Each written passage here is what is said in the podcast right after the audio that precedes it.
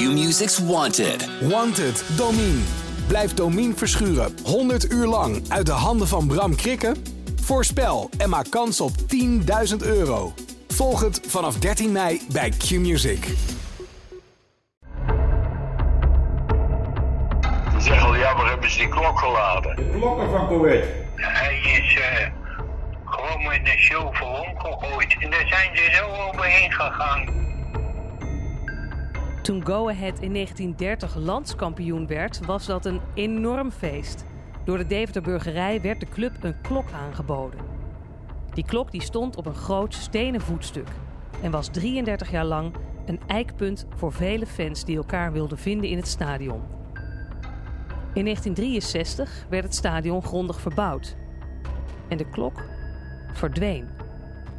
Waarheen is de grote vraag. Wat ze zeggen is dat hij gewoon daaronder geschoven is, onder die tunnen, dat hij daaronder nog is. Je luistert naar het mysterie van de kampioensklok. Een podcast van de Stentor. Wij willen weten of er voldoende aanwijzingen zijn dat die klok nog bestaat. We spreken oud-spelers, het bouwbedrijf, mensen in de leiding van de club. We duiken de archieven in, wat staat er op foto's en in krantenknipsels. Want juist die tribune, waar die klok onder zou liggen, wordt binnenkort weer verbouwd. Dus is de klok dan vindbaar? Ik hoop dat ik er nog mee mag maken, dat, dat we die klok vinden.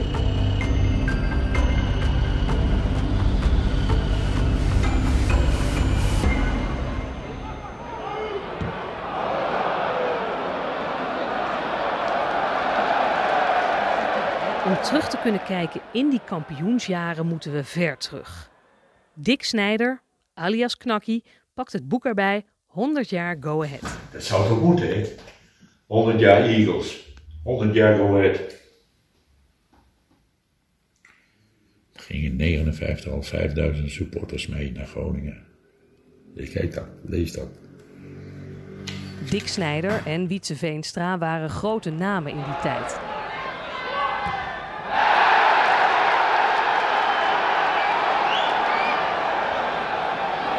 Ja, wat voor. oh, oh.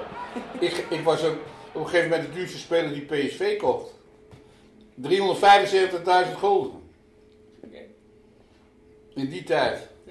Deventer was vruchtbare grond voor de voetballerij van toen. Ja, dat, eh, dat zeggen mensen altijd, hè. Die kan laden voetballen, die kan laden voetballen. En eh, we hadden er plezier in. We, we hadden ook ni- niks anders. Wij hadden alleen maar een bal vroeger. En een oude fiets.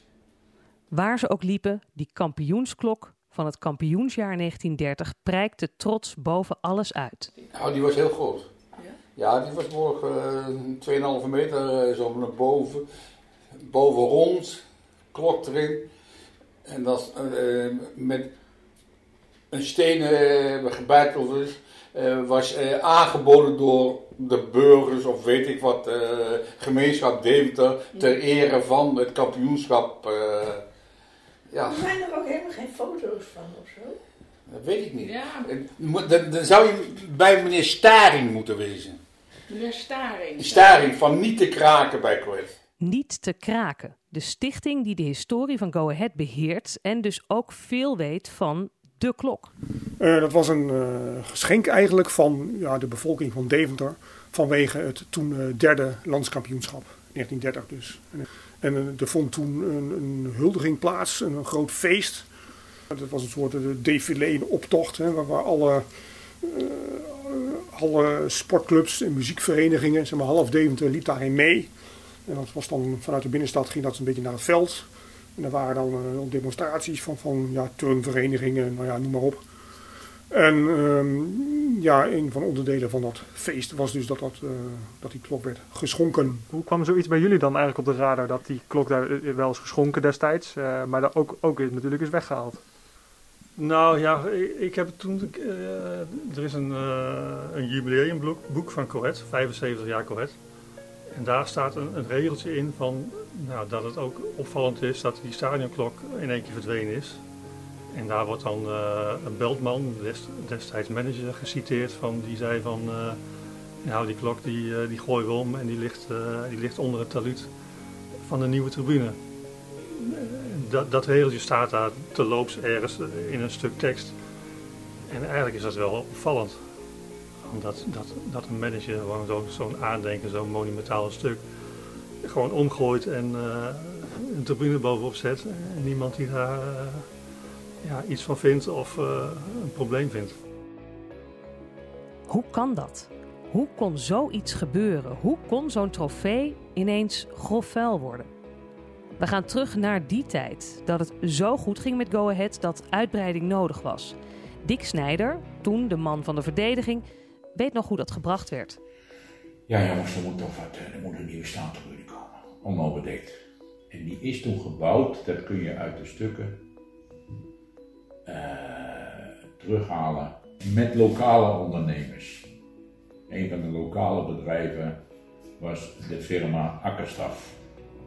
Dubbel F. Dat is begin jaren 60. Als jongens uit de buurt werkten Dick en Wietse zelf ook mee. Ja, wij liepen er elke dag. Ik, eh, ik ben daar geboren en getogen, opgegroeid aan de Vestkapstraat. Dus hé, hey, die wordt ook voor jullie gebouwd, dus je kunt ook wel meehelpen.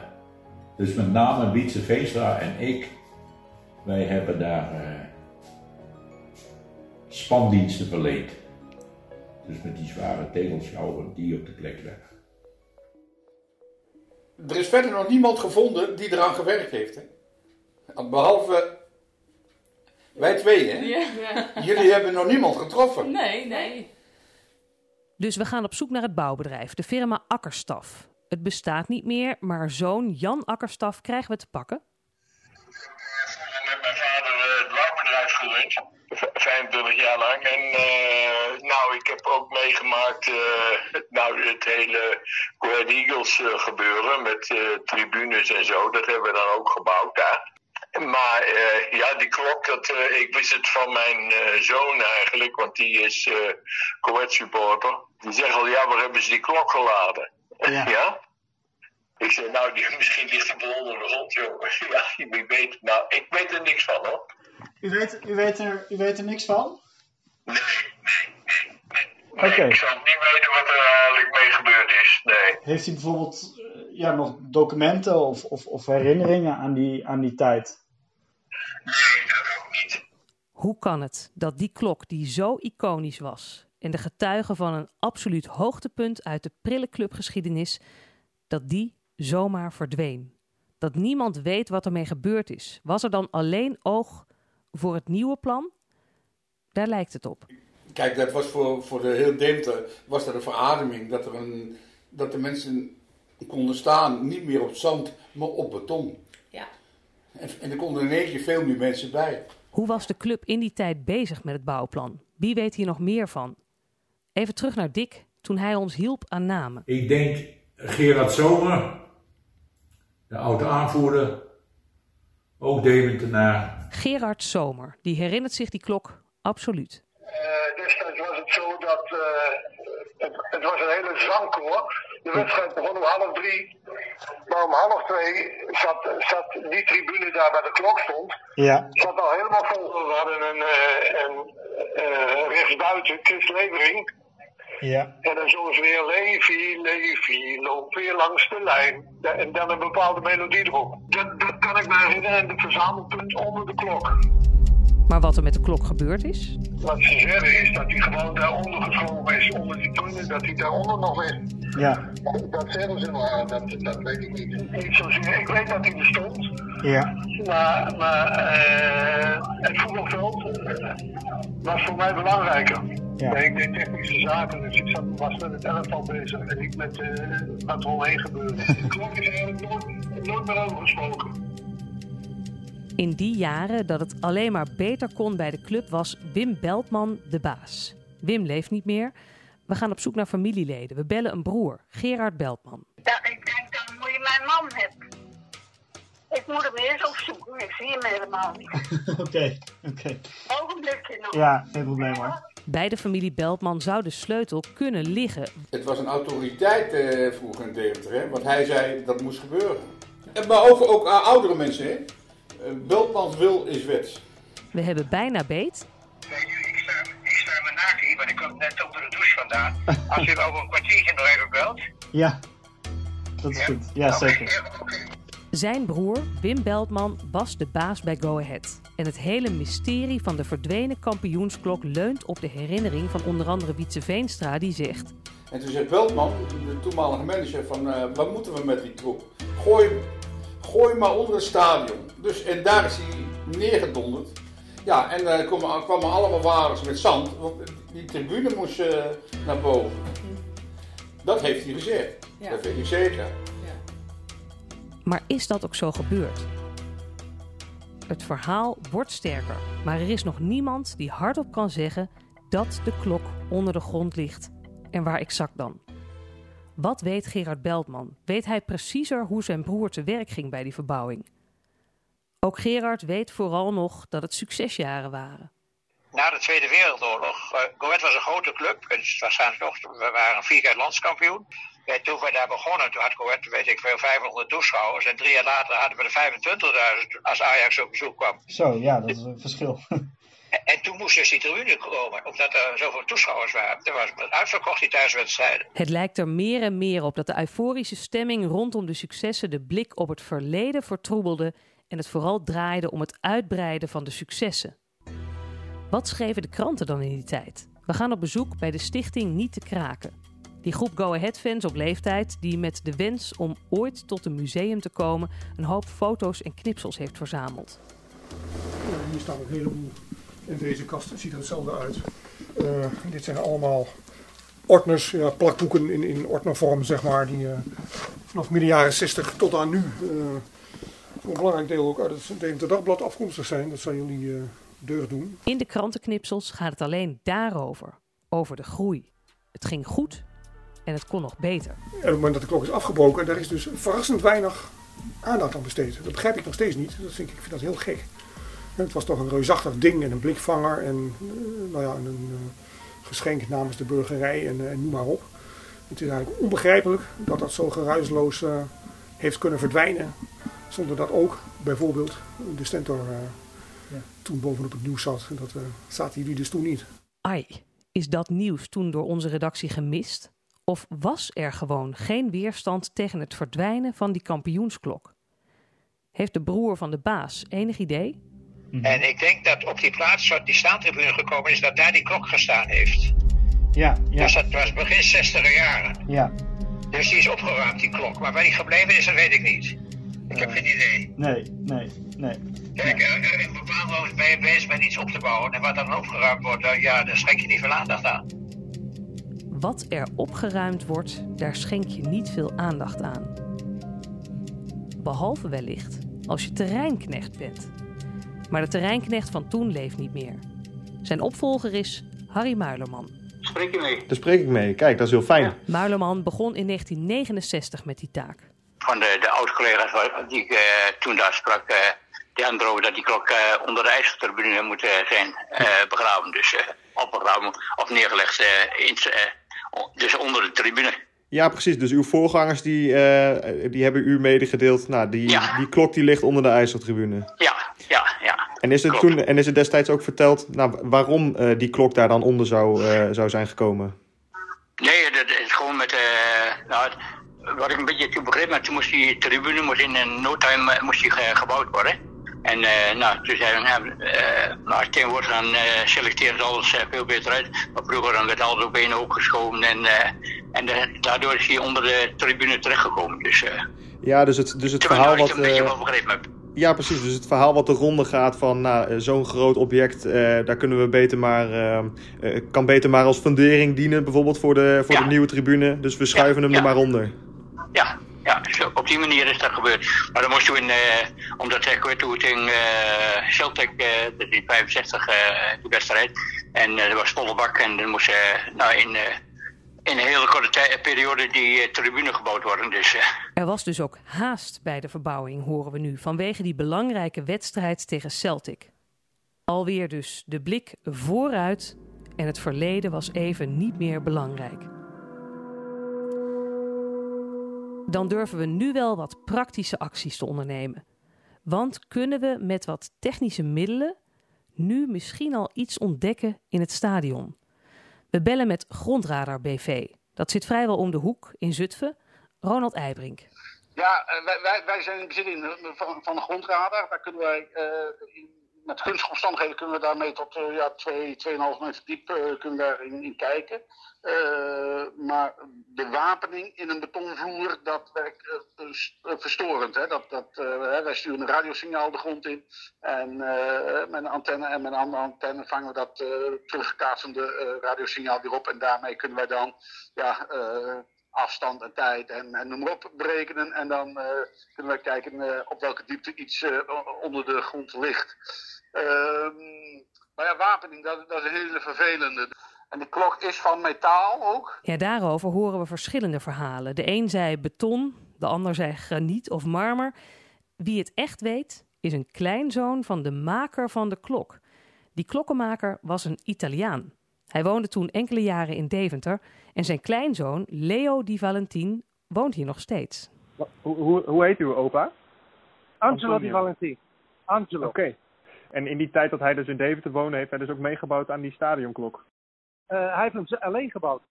Hij heeft, alleen? hij was, ja, hij, of, uh, hij was de, de, de man die het uh, gedaan heeft. Juist het feit dat die klok een staande klok van graniet moest worden, maakte dat ze uitkwamen bij die Valentin. Op een gegeven moment ja, durfde niemand het eigenlijk aan.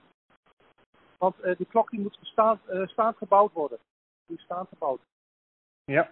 En dat is, ja, uh, als je een beetje in die granietbusiness zit, dan weet je dat het, een vloer is makkelijk, want dan valt alles naar beneden. Maar staande werk is best wel moeilijk.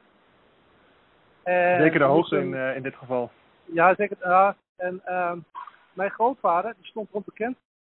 Hij was een grote sloddervos, maar hij was een geniaal met mallen.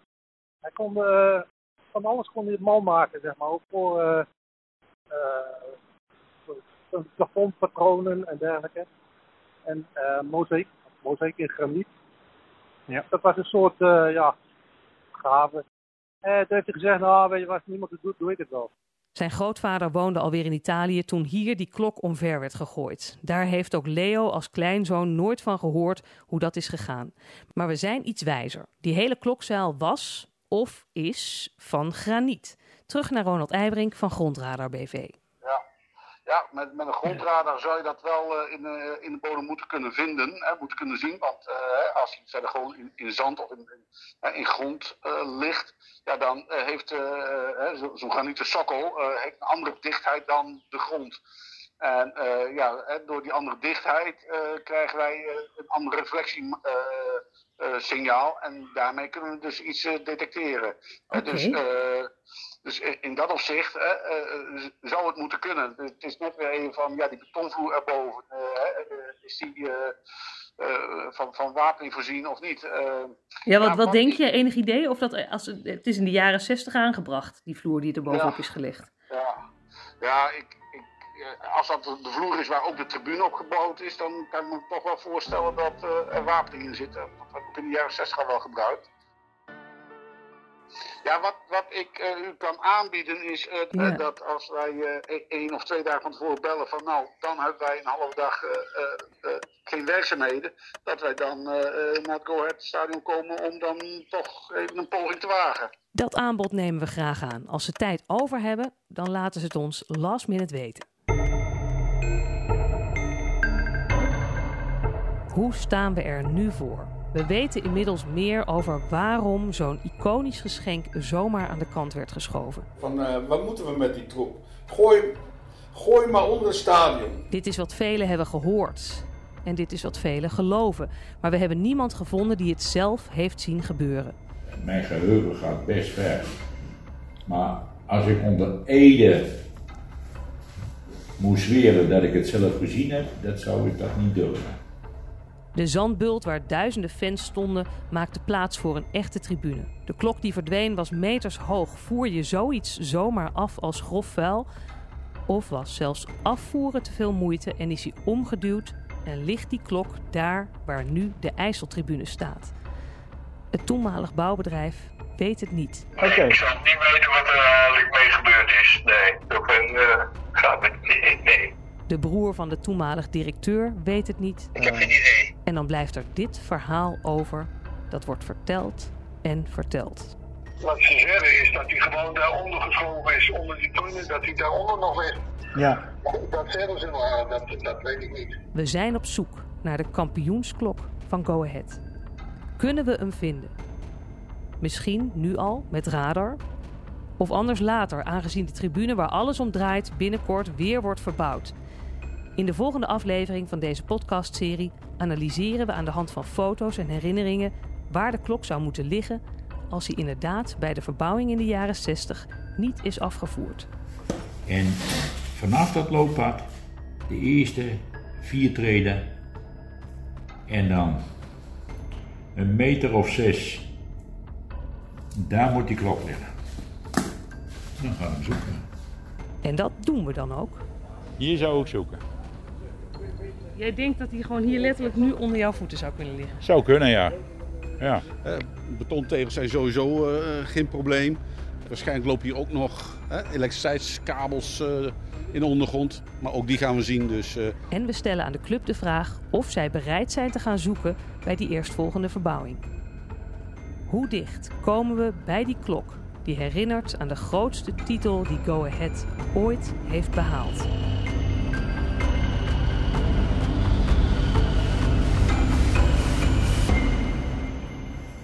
Vinden.